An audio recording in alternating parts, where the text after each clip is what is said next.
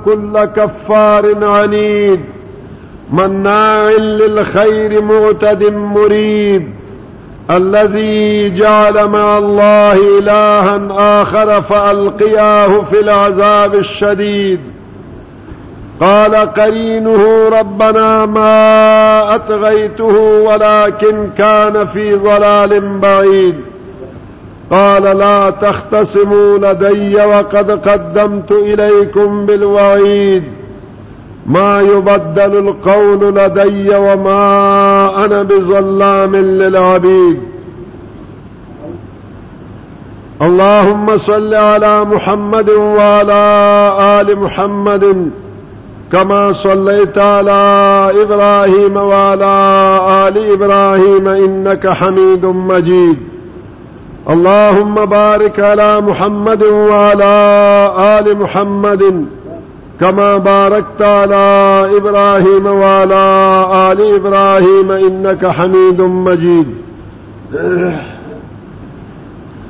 أعوذ بالله السميع العليم ولهن مثل الذي عليهن بالمعروف وللرجال عليهن درجة والله عزيز حكيم الله رب العالمين احكم الحاكمين د ټولو بادشاہانو بادشاہ د ټولو زبردست زبردست هغه رب العالمين چې هغه په خپل ذات او صفاتو کې اسماء او احکامو کې واحد لا شریک دی څنګه چې انسان د الله رب العالمین په ذات کې بل څوک شریک ولو سره مشرک او همیش همیش د پاره جهنمی ګرځي همدارنګ کې یو انسان د الله په صفاتو کې د الله په اسماو کې د الله په احکامو کې بل څوک شریک کې نو همیش د پاره جهنمی او مشرک ګرځي زما محترم او معززو دا الله رب العالمین تعریف دا الله جلالت دا الله لوی دا الله عظمت او حمد ثنا هر څومره چې بیان کړی شي محمد رسول الله صلی الله علیه و آله وسلم فرمای اللهم لا احصي ثناء عليك انت كما اثنيت على نفسك اے الله ستا تعریف ستا لوی ستا بڑای ستا جلالت ستا عظمت زنشم پورا کولای بس تمقه سی څنګه چې تا د خپل ځان صفت کړی دی محمد رسول الله صلی الله علیه و آله وسلم باندې دا الله رب العالمین لکونو کورونه رحمتونه دي چې هغه مونږ ته د الله ذات او صفات ښودلي دي، د الله اسماء او احکام ښودلي دي او د الله رب العالمین حقوق او د بندگانو حقوق راته ښودلي دي او هغه لارې هغه طریقې راته ښودلي دي چې د هغې په کولو سره په هغې باندې عمل کولو سره په هغه لار او په هغه طریقو تلو سره دا الله رب العالمین رحمت دا الله مهرباني دا الله نعمتونه او دا الله رضا په حاصله ولې شو او هغه لار او طریقې هم خو دلی دي چې دا هغه په پری خودو سره دا هغه نه اجتناب کولو سره دا الله رب العالمین د غضب نه دا الله د قهر نه الله چې کوم عذابونه خپل نافرمانو بندگانو د پاره تیار کړی دی دا غیر په بچی دی شو زما محترم او معززو الله رب العالمین دا خپل مخلوق پیدا کړی دی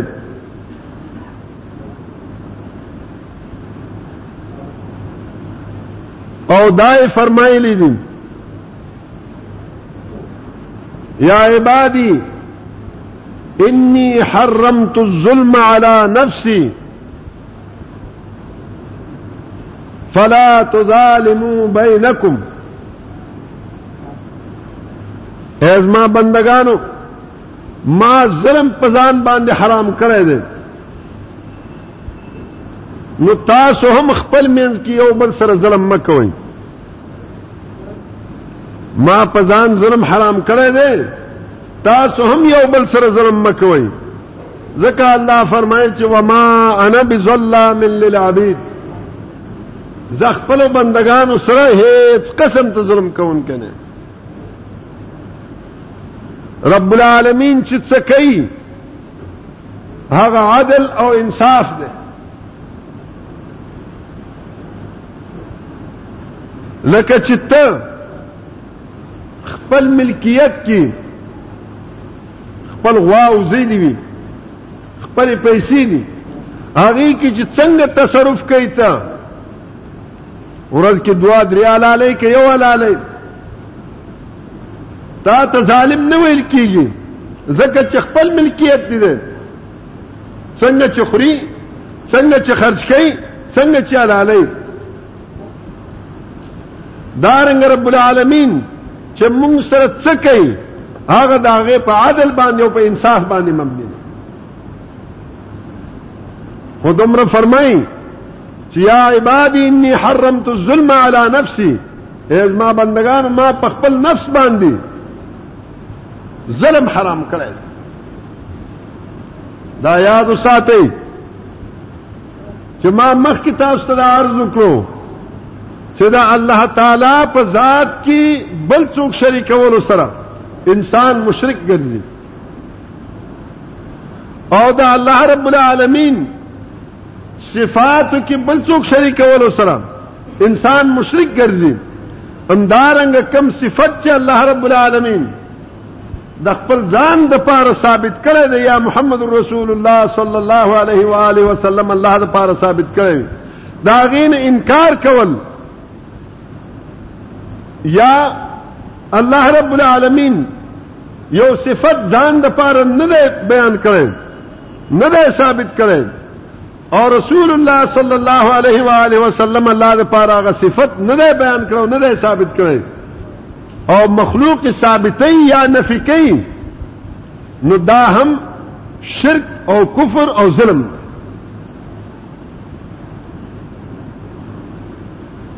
نو دلته حدیث قدسی دی الله رب العالمین فرمایي یا عبادی انی حرمت الظلم علی نفسی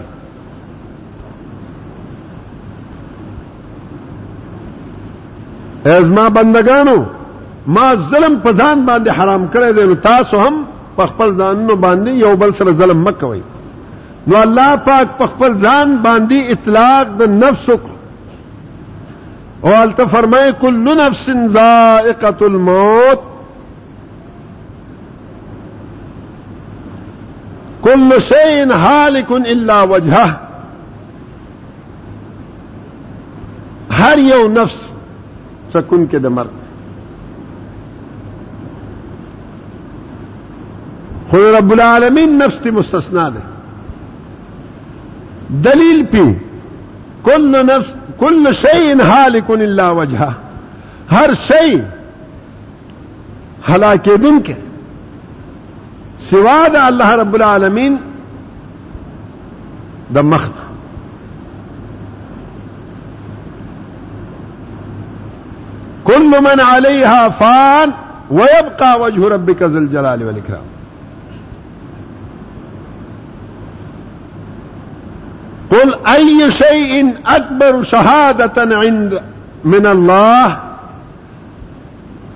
شهادت په لحاظ سره د الله نه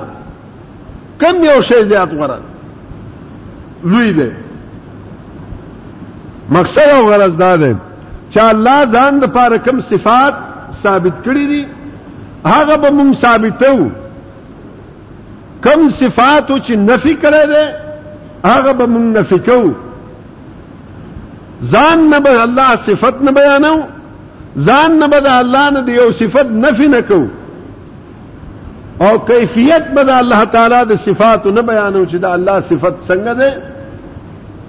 الله چې شی دی نو څنګه شی دی الله نفس لري نو څنګه نفس لري دا به نه وایو ځکه کیفیت مجهول دی کیفیت نه تپوس کول دا محدثین فرمایي چې دا بدعت ده او د بد سړی کار دی نو ما دا عرض کوم چې الله رب العالمین فرمایي چې ما ظلم په ځان باندې حرام کړی دی په تاسو سو باندې مې هم حرام کړی دی او بل سره به ظلم نه کوي د دې وجنه په هر زنده سر کې چې هر یو زنده سر سره وي ظلم زیاتې الله رب العالمین نه خوخی او هر یو زنده سر چی هغه سره چې ته رحم کوي نو الله رب العالمین پاغه باندې خوشحالي رسول الله صلی الله علیه و آله وسلم فرمایي ما جهنم ولیدو چاغي کی وخدوا چې پیشو ور باندې نښتې وه دا مخونو باندې نوکاري لګول د دې دا بدن د په دې نوکانو باندې شکولو او ولی صرف د دې وجنه چې او پښوی تړلې و نو ورته څه اچولو چې هغه خورلې و او نه پرې خوده چې خپل ښکار کړو ځانې مور کړو هغه سره ظلم وکړو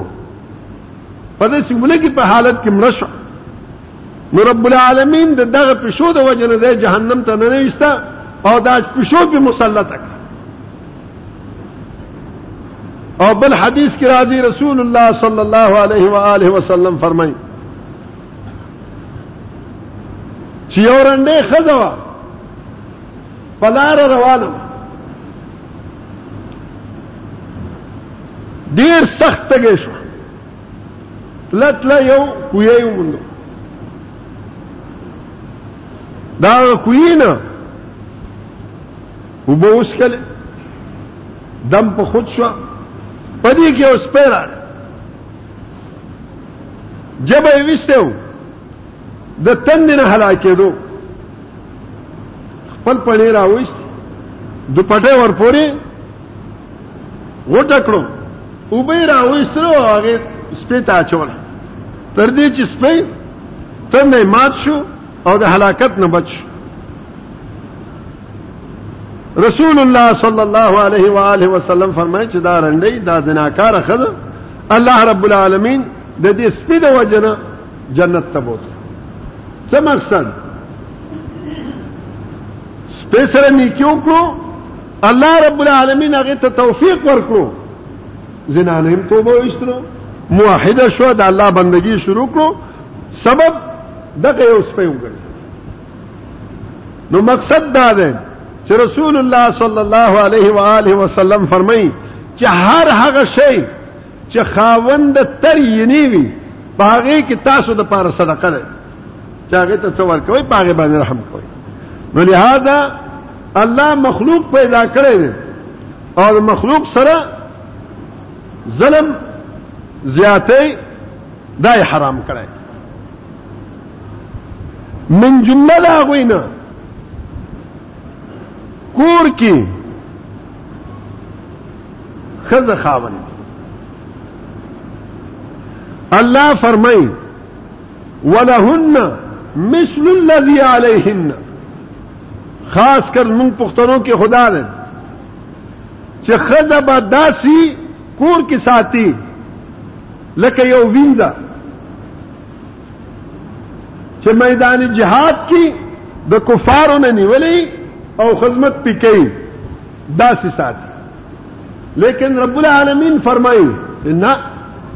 ولهن د خذو د پاره مثل الذي عليهن داسې حقوق دي چې کم په دې باندې دي څه مطلب د ښځو د پاره هم په خپلو خاوندانو باندې داسې حقوق دي چې کم حقوق د خاوندانو په ښځو باندې دي یک طرفه خبره نه ده چې خاوند حق شته ده او د ښځې حق نشته ده نه رسول الله صلی الله علیه و آله وسلم مونږ ته دا دواړه حقوق خودلي عن انس رضی الله تعالی عنه قال قال رسول الله صلى الله عليه وآله وسلم المرأة إذا صلت خمسها وصامت شهرها وأحسنت فرجها وأتات بالها فلتدخل من أي أبواب الجنة شاءت رسول الله صلى الله عليه وآله وسلم فرمي چې خزه کله چې پنځه وخت منځ ادا کوي د ټولو نه مخکې رب العالمین پنځه وخت منځ یاد کړو وجه دا دی چې خاون په هر څه باندې خځې سره جګړه وي په لګو لګو خبرو باندې جګړه وي خو په دین باندې چرته جګړه نه کوي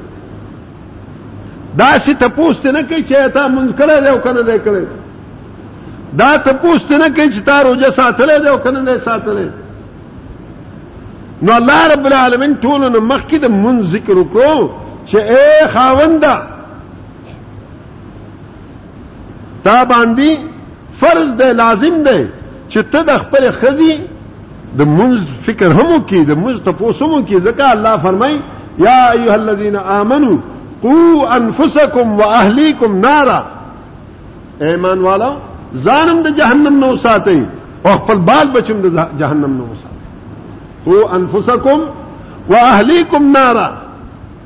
خپل نفس او خپل اهل د جهنم نه وساتي پتا باندې دا فرض دی چې ته په خپل کور کې د خپل خزینه د خپل بچونه زامنو نه نونو نه خويندو نه چې ته مشري کلکم راعن وکلکم مسؤول عن رعيه هر یو تاسو نه راعي دی او هر یو به نه بالا تاسو کوي لهذا دا تپوس در باندې لازمي دی المرأة اذا صلت خمسها کله چې پنځه وخت منځ کوي وصامت شهرها د خپل رمضان المبارک روزه ساتي واحسنت فرجها خپل اندام مخصوص پاک ساتي الا علی ازواجهم الله پاک فرمایي مگر خپل خاوندان الله حلال کړی دی چې په حلال ځای کې استعمال کی الله ورته اجر ورکړي لکه رسول الله صلی الله علیه و آله وسلم فرمایل یو کړه چې په دې شي کې صدقه ده په دې شي کې ثواب ده په دې شي کې ثواب ده حتی چې یو انسان خپل کور والا سره یو ځای کیږي نو پاغه کم اجر ده صحابه ورد کوی د الله رسوله یو انسان به خپل خواهش پوره کوي پاغه کې بم اجر ملاويږي وې دا خواهش که غلط ځای باندې د استعمال کړی وي دا خواهش که په غلط ځای د پوره کړی وي نو دته عذاب ملاوي دو کنه ویل ولینه نو دارنګه چې په صحیح ځای کې استعمال کړو صحیح ځای کې پورا کړو نه الله به ولا اجر ورکړي واطاعت بعلها دا د الله تعالی حقوق پوره کی او بیا د خپل خاون اطاعت کی نو الله فرمای رسول الله صلی الله علیه و آله وسلم فرمای فلتدخل الجنه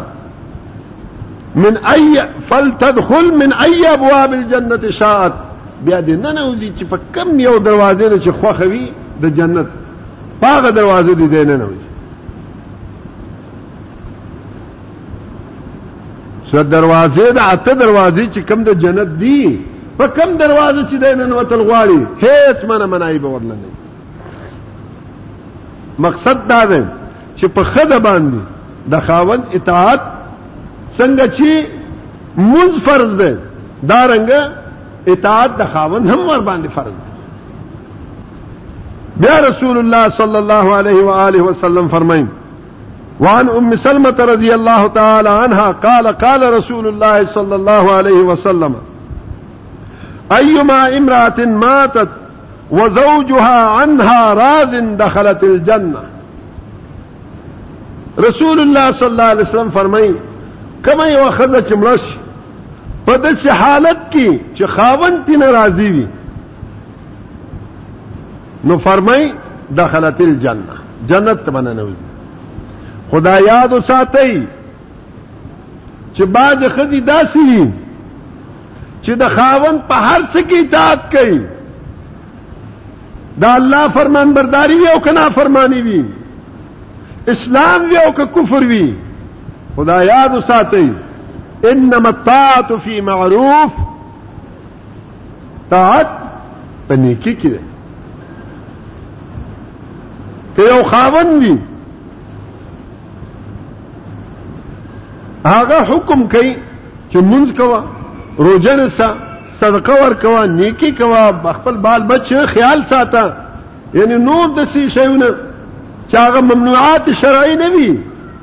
نو هغه کې اطاعت کوي او خاون ته راضي وي دخل الجنه او کده خاوند راضی کوي په ممنوعات شرعي باندې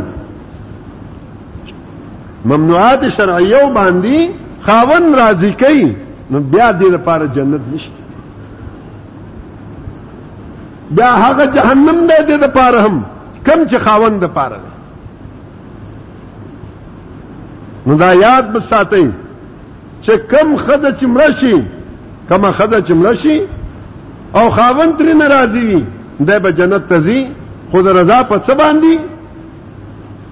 د شرعي امور باندې او بیا رسول الله صلی الله علیه و آله وسلم فرمایي عن ابي هريره رضي الله تعالى عنه قال قال رسول الله صلى الله عليه وسلم لو كنت آمر أحدا أن يسجد لأحد لا مرت المرأة ان تسجد لزوجها رواه الترمذي رسول الله صلی الله علیه و آله وسلم فرمایي که زمون په شریعت کې دا خبره جایز وي چې یو کس دې بل ته سجده وکړي دا یاد وساتئ ډېر خلک ډېر پیران دا خبرې هم کوي چې سجده دوه قسمه نه وي یو سجده د عبادت ده یو سجده د تعظیم ده سجده د عبادت دا د الله نه سوای چا لپاره جایز نه ده او د تعظیم سجده وي خیر دی وي پیر صاحب لوشي ملا صاحب لوشي مشر صاحب لوشي عمرو دا بالکل قطعا غلط زکه چې کوم مخکنی امتونو کې دا سجده د تعظیم جایز وو نو رب العالمین هغوی ته د عبادت سجده نه ویل تعظیم سجده ویل مخکنه امتونو باندې کی چې کوم سجده جایز وو د عبادت سجده نه وو د تعظیم سجده وو خو محمد رسول الله صلی الله علیه و آله وسلم په امت کې او په دې امت کې د تعظیم او د عبادت دواړه ممنوع شو صحابه کرام حیرا یمن کې یو ځای دی الته تلیو الته خلکول دل چا خو خپل مشرانو ته خپل استاندارو ته خپل پیرانو ته خپل حاکمانو ته ټیټېدل به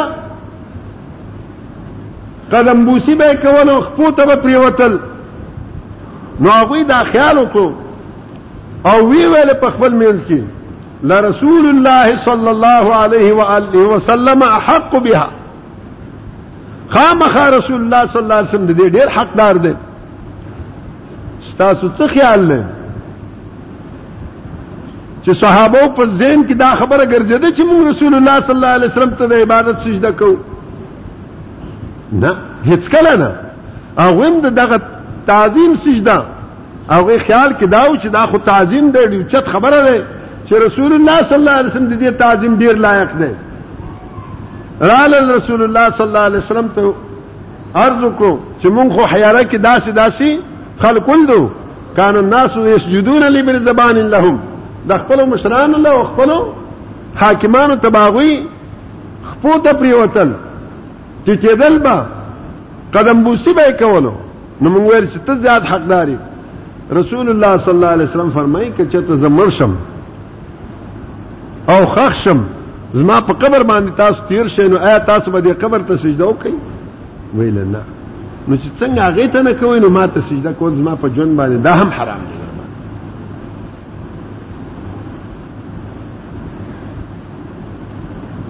نو رسول الله صلی الله علیه وسلم فرمایي کچرته ما چاته حکم کولای د سجدي کولو بل کستا خامخا به ما ښځې ته حکم کړی وی امر کړی وی چې ته خپل خاوند ته سجده وکړه وای دومره د خاوند حق زما محترم و معززو سره د دې حق نه الله فرمای ولهن مثل الذي عليهن د ښځو د پاره هم په خاوندانو باندې حقوق شته که د خاوند دومره حق دی خو د ښځې هم په هغه باندې حق شته رسول الله صلی الله علیه و آله وسلم فرمایي عن معاوية القشري رضي الله تعالى عنه قال قلت يا رسول الله ما حق زوجة أحدنا عليه قال تطعمها إذا طعمت وتكسوها إذا اكتسيت ولا تضرب الوجه ولا تقبح ولا تهجر إلا في البيت رواه أحمد وأبو داود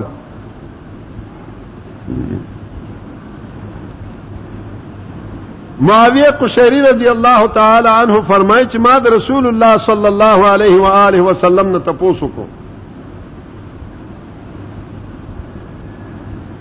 زمون کې د یو کس باندې د خپل خزه څه حقوق دي رسول الله صلی الله علیه و ولهن مثل الذي عليهن د دې تفسیر کې فرمایي چې د خځې حق پتا باندې دا دی ان تطعمها چې روټه ولا ورکی نفقه ورته ورکی چې کله ته خوراک څنګه چې ته خوراک کوي مکه چې هغه تام خوراک ورکی څنګه چې تاغونی هغه تام جامع ورکی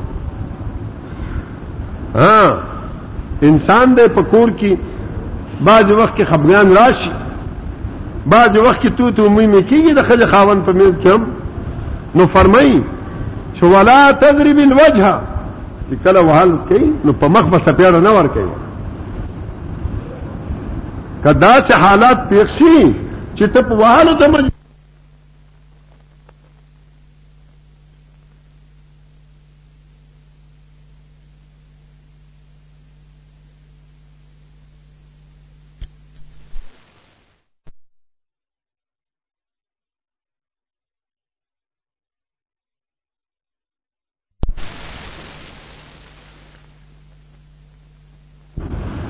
پکور کې دننه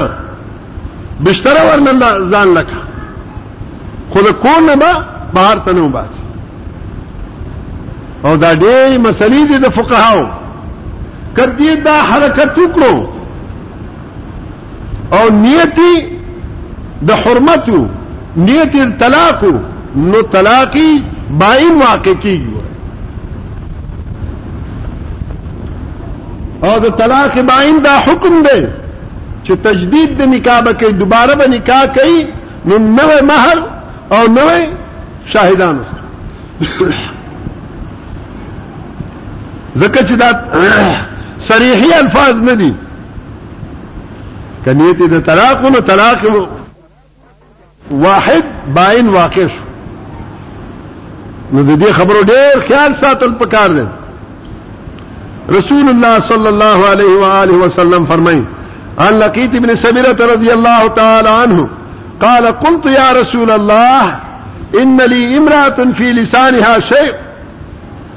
زما یو خزه ده ان لی امراتن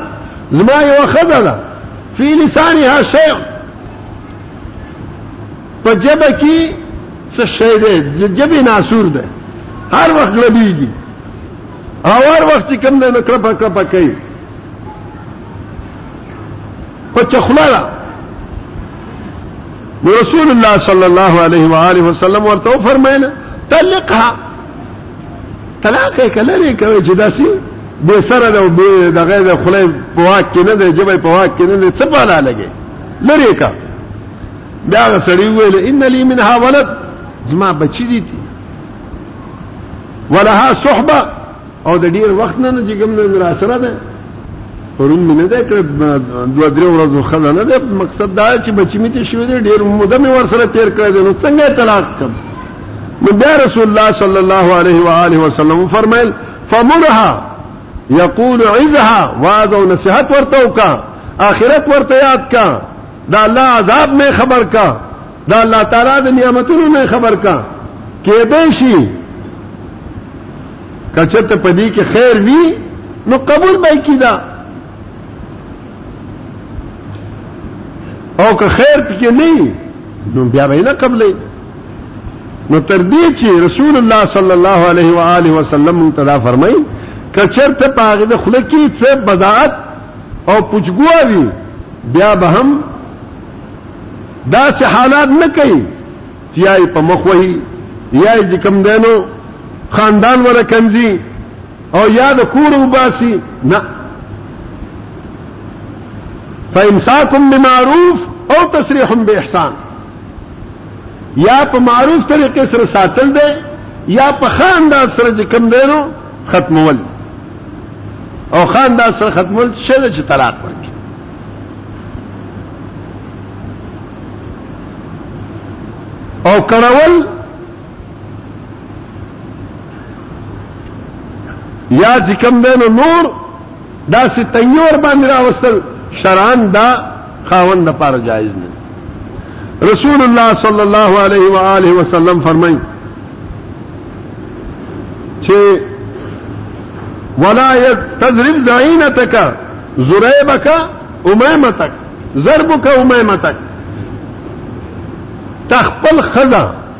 خپل کور والا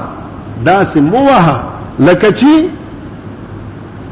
وینځه وهلی کي څنګه چې وینځې وهي هغسې دا مو وهه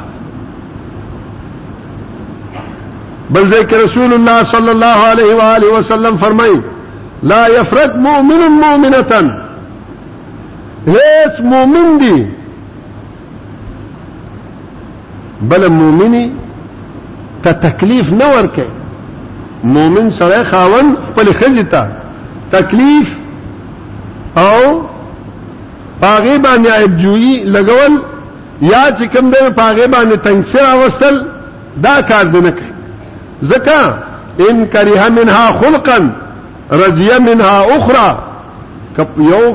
خصلت خراب وي نو بل خصلت به یې خوي ځکه چې انسان مجموعه د خیر هم نه دی او انسان مجموعه د شر هم نه دی انسان کې څه خوبیان وي او څه پکې غیر خوبیان وي نو تاسو یک طرفه مګورئ چې بس هغه برایي او بدی ستا په نظر کې راځي او خو خست ستا په نظر کې نه راځي دا مکوي نو ځکه الله رب العالمین مونږ ته فرمایي چې ولهن مثل الذي عليهن د خزو د پاره هغه حقوق دي چې کم حقوق خاوندانو دي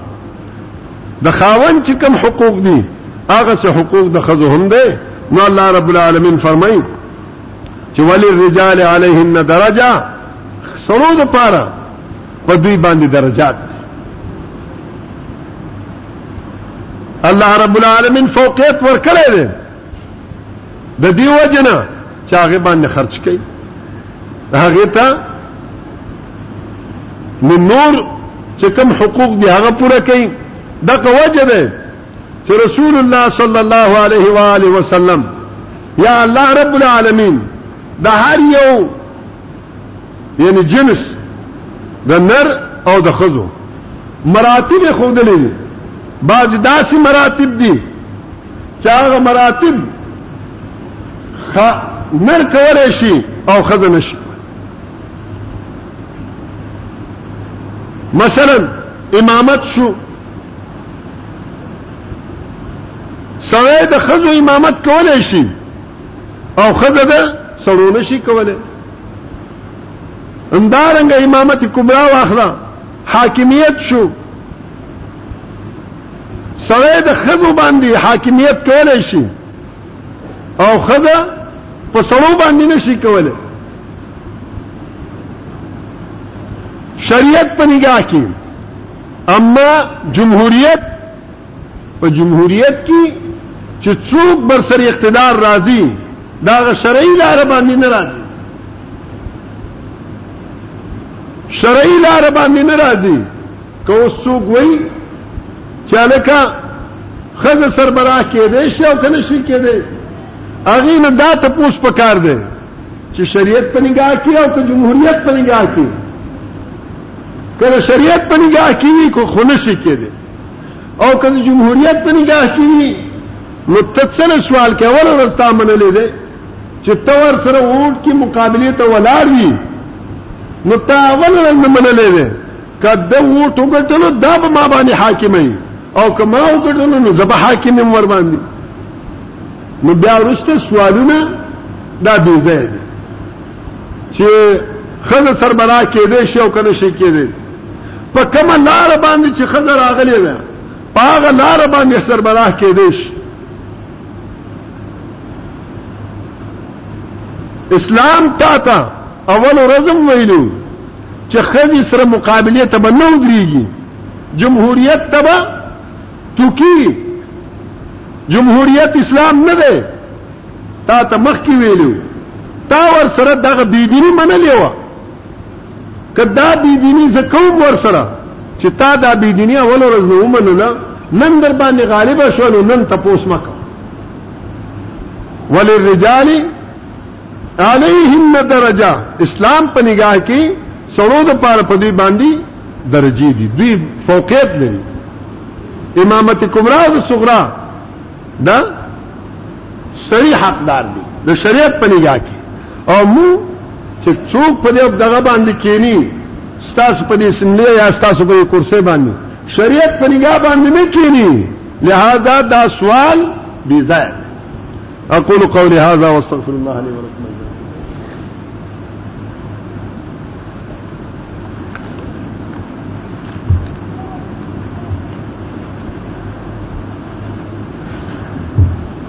إن الحمد لله نحمده ونستعينه ونستغفره ونعوذ بالله من شرور أنفسنا ومن سيئات أعمالنا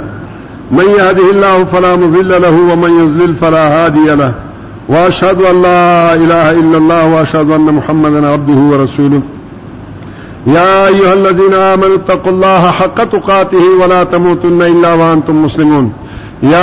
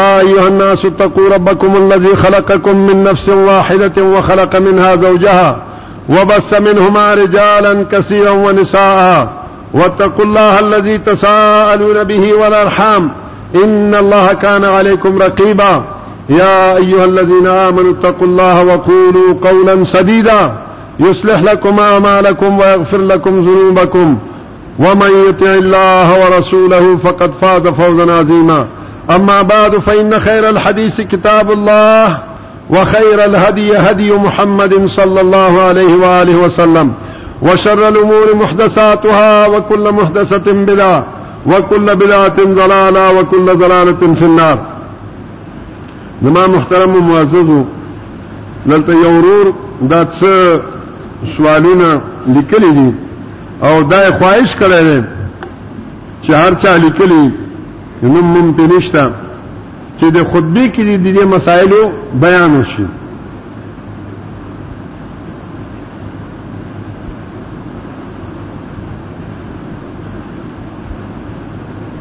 وې د کومې خځې خاون چې زناکاری او فاحش عمل کوي او خپل حلال مال په نارواو مصرف کوي او ښځه یې مسلمانه او امانتداره وي، نو د دغه ښځې نکاح یا شپې تېرول د داسې خاوند سره جائز دی او که نه؟ وروڼو! یو مسله ده د طلاقېدو، بله مسله ده شپه ورځ تېرول، شپه ورځ تېرول ورسره ناجائز دی او طلاقېږي نه. ترڅو چې دا سړی مرتد شوی نه کافر شوی نه نو خزتی جدا کیږي نه ها دومره ده چې شرعي حیثیت سره دې داسې خزې د پاره پکار ده چې مسلمان یې موحد او فرمان بردار وي دا الله تعالی د داسې خاون نه اجتناب کی تر هغه وخت پورې ترڅو چې دا خاون ټیک شوی نه دیم سوال دا ده چې خاون خپل خزې ته وایي چې ښځه به خاوند باندې حقوق نه لري ښځه په خاوند باندې حقوق نه لري او خاوند کولای شي چې د نوکرانی په صفت ترنه کار واخلي بهر حال دا خو ما مخکې خطبه کې مو ویل چې الله پاک وایي ولهن مثل الذي عليهن د خزو هم په خاوندانو باندې هغه حقوق دي چې کم د خاوندانو په خزو باندې دي دا وینا چې دنه به د یو نوکراني یو د وینځي په صفت به کار اخلي دا شرعن غلط ده دیمه مسله ده هر هغه مور یا پلار بدون د کوم علت څخه خپل زوی ته منافقت وکړي یعنی شیطاني وکړي چې ستا خزه داسي او هغه خپل خاوند باندې وਹੀ ایا داسې حالت کې داسې مور پلار اطاعت کول پکار دي بهر حال شیطانت یا چغلی په هر حالت کې حرام ده خو هغه پلار کوي او کومور کوي نو که خاوند ته پته وي خاوند په پويږي چې په دې ځای کې د ازما مور یا ازما پلار ناجایز کوي د ازما خزي سره نو په دې وخت کې د دې اطاعت نه لري پکار ځکه چې رب العالمین فرمای چې حرمت الظلم علی نفسي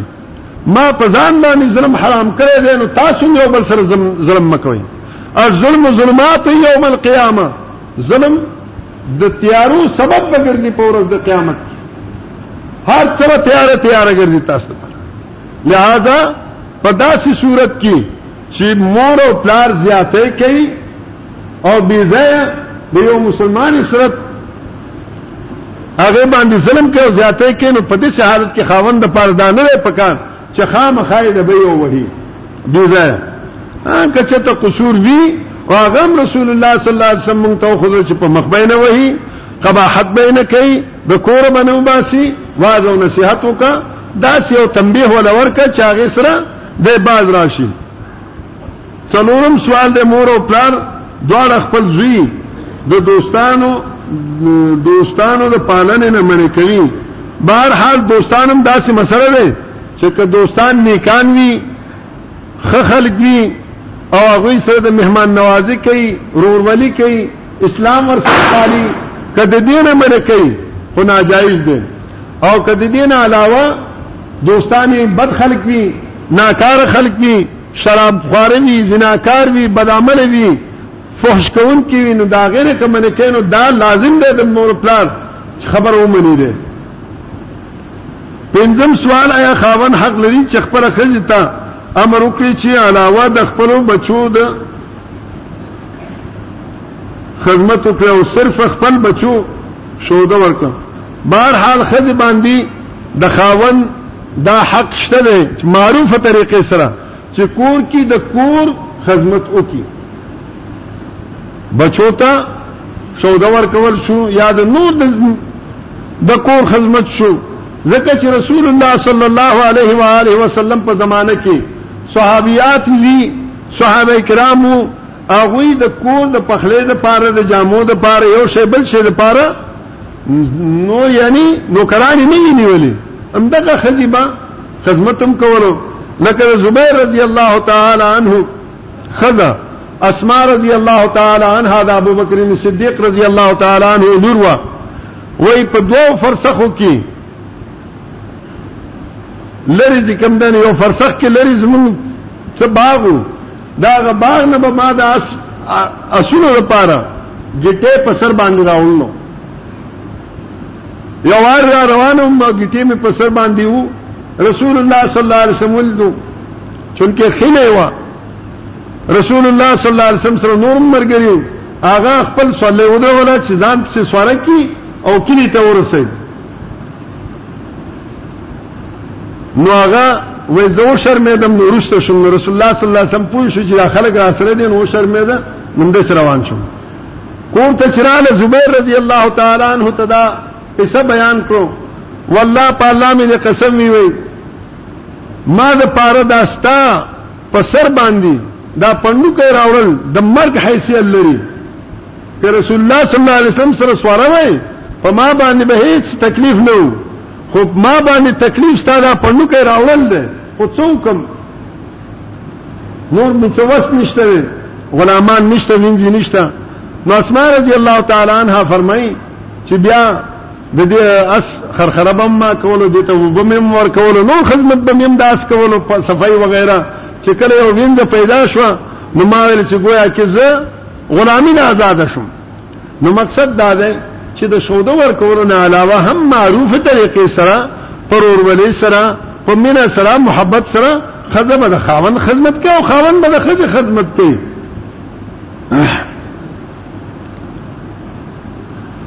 شپږم سوال دا دی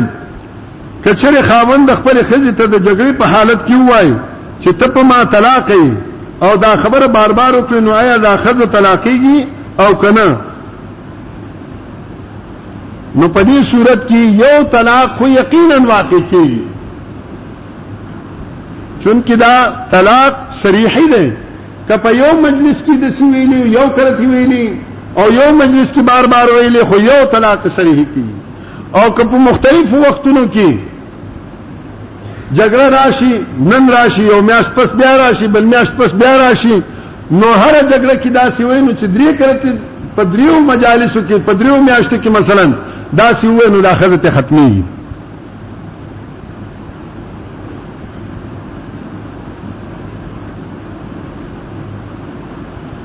اووم سوال دی، که چېرې ښځه د خاوند څخه طلاق وغواړي، په داسې حالت کې چې خاوند زناکار، بدفعله، بربنډ فلمونه ګوري، نو کولای شي چې ښځه خپل ځان ازاد کړي؟ بېشکه که داسې خاوند وي، اول خو نصیحت په کار دی چې یو دوه مسلمانانو ته ووایي، خپل سخر ته ووایي، خپل پلار ته ووایي چې دې زما خاوند ته وعظ او نصیحت وکړي چې د دې کارونه نه باز راشي. او که دې د کارونو نه باز نه راځي نو دې د پاره حق دی چې محکمه شرعي وي او که غیر شرعي وي داسې ځای ته ورشي او تنسیخ د نکاح وکړي حکومت په زور چې کوم دی نو ځان خلاص کړي دا د حق دی شرعي چې داسې خاوند وي نو الله رب العالمین دی